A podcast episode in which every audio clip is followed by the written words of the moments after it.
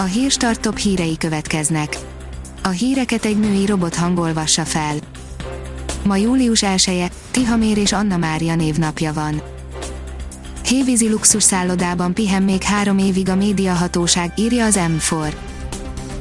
Nincs jobb a visszatérő vendégnél, még három évig egy hévízi luxus szállodában pihenhetnek kedvezményes áron az NMHH dolgozói, a hotelt pedig állami félmilliárdból újíthatják fel.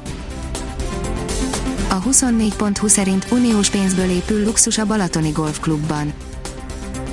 1,7 milliárd forint állami támogatással épül a hotel, ahová élsportolókat és magas jövedelmű vendégeket várnak, a rehabilitációs központ 1,5 milliárd forint uniós pénzt is kapott. Az Index oldalon olvasható, hogy a javítóból szabadult álpap is hozhat megváltást. Az Oscar jelölt Corpus Christi az egyik első film, amit megnézhetünk az újra nyitott mozikban, a lengyel álpap igaz története ráadásul még jó is. Az NLC oldalon olvasható, hogy hatalmas veszteség érte Galambos Lajost.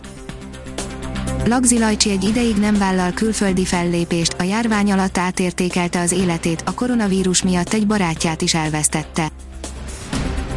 A babaszoba oldalon olvasható, hogy megjósolható a járvány második hulláma. Egy-két héttel előre meg lehet jósolni a koronavírus járvány esetleges második hullámát a szennyvíztisztítókból vett minták alapján. A mínuszos írja, közel 8 milliárd forint osztalék kifizetéséről határozott a Magyar Telekom Észak-Macedón leánya. A Magyar Telekom Ennyert Észak-Macedón leányvállalata, a Makedonski Telekomat, Skopje a keddi közgyűlésén a 2019 üzleti év után 1,33 milliárd macedón dénár, mintegy 7,6 milliárd forint összegű osztalék kifizetéséről határozott, közölte a távközlési szolgáltató. Az Autopro szerint 8 technológiai trend, ami meghatározza a közlekedés jövőjét. Napjainkban számos olyan autóipari technológiai fejlesztés van folyamatban, amelyek alapjaiban formálhatják át a jelenlegi közlekedési szokásokat, az ágazat így a következő évtizedben gyorsabb és nagyobb változáson fog keresztül menni, mint az elmúlt száz évben. Top 5 vár Észak-Magyarországon, amit látogass meg egyszer az életben, írja a Startup utazás.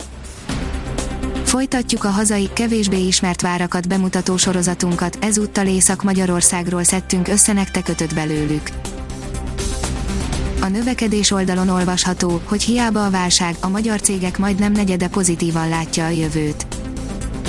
Itthon a cégek túlnyomó része úgy érzi, hogy a kiárási korlátozások időszaka alatt nőtt a munkatársak elkötelezettsége, derül ki a Divelor friss kutatásából, mely 201 döntéshozó megkérdezésével készült.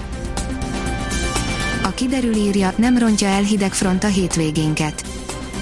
Csütörtökön újabb hidegfront éri el a Kárpát-medencét, amelynek hatására átmenetileg több lesz felettünk a felhő és néhány fokkal visszaesik a hőmérséklet, de a hétvégén már ismét napos időre számíthatunk. Ha még több hírt szeretne hallani, kérjük, hogy látogassa meg a podcast.hírstart.hu oldalunkat, vagy keressen minket a Spotify csatornánkon az elhangzott hírek teljes terjedelemben elérhetőek weboldalunkon is.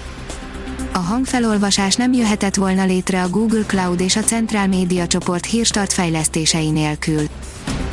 A hírstart kísérleti adását hallotta, a technológiánkat folyamatosan fejlesztjük. Ha tetszett a hírblokkunk, kérjük, hogy ossza meg ismerőseivel, vagy értékelje közösségi csatornáinkon. Visszajelzése fontos számunkra. Köszönjük, hogy minket hallgatott!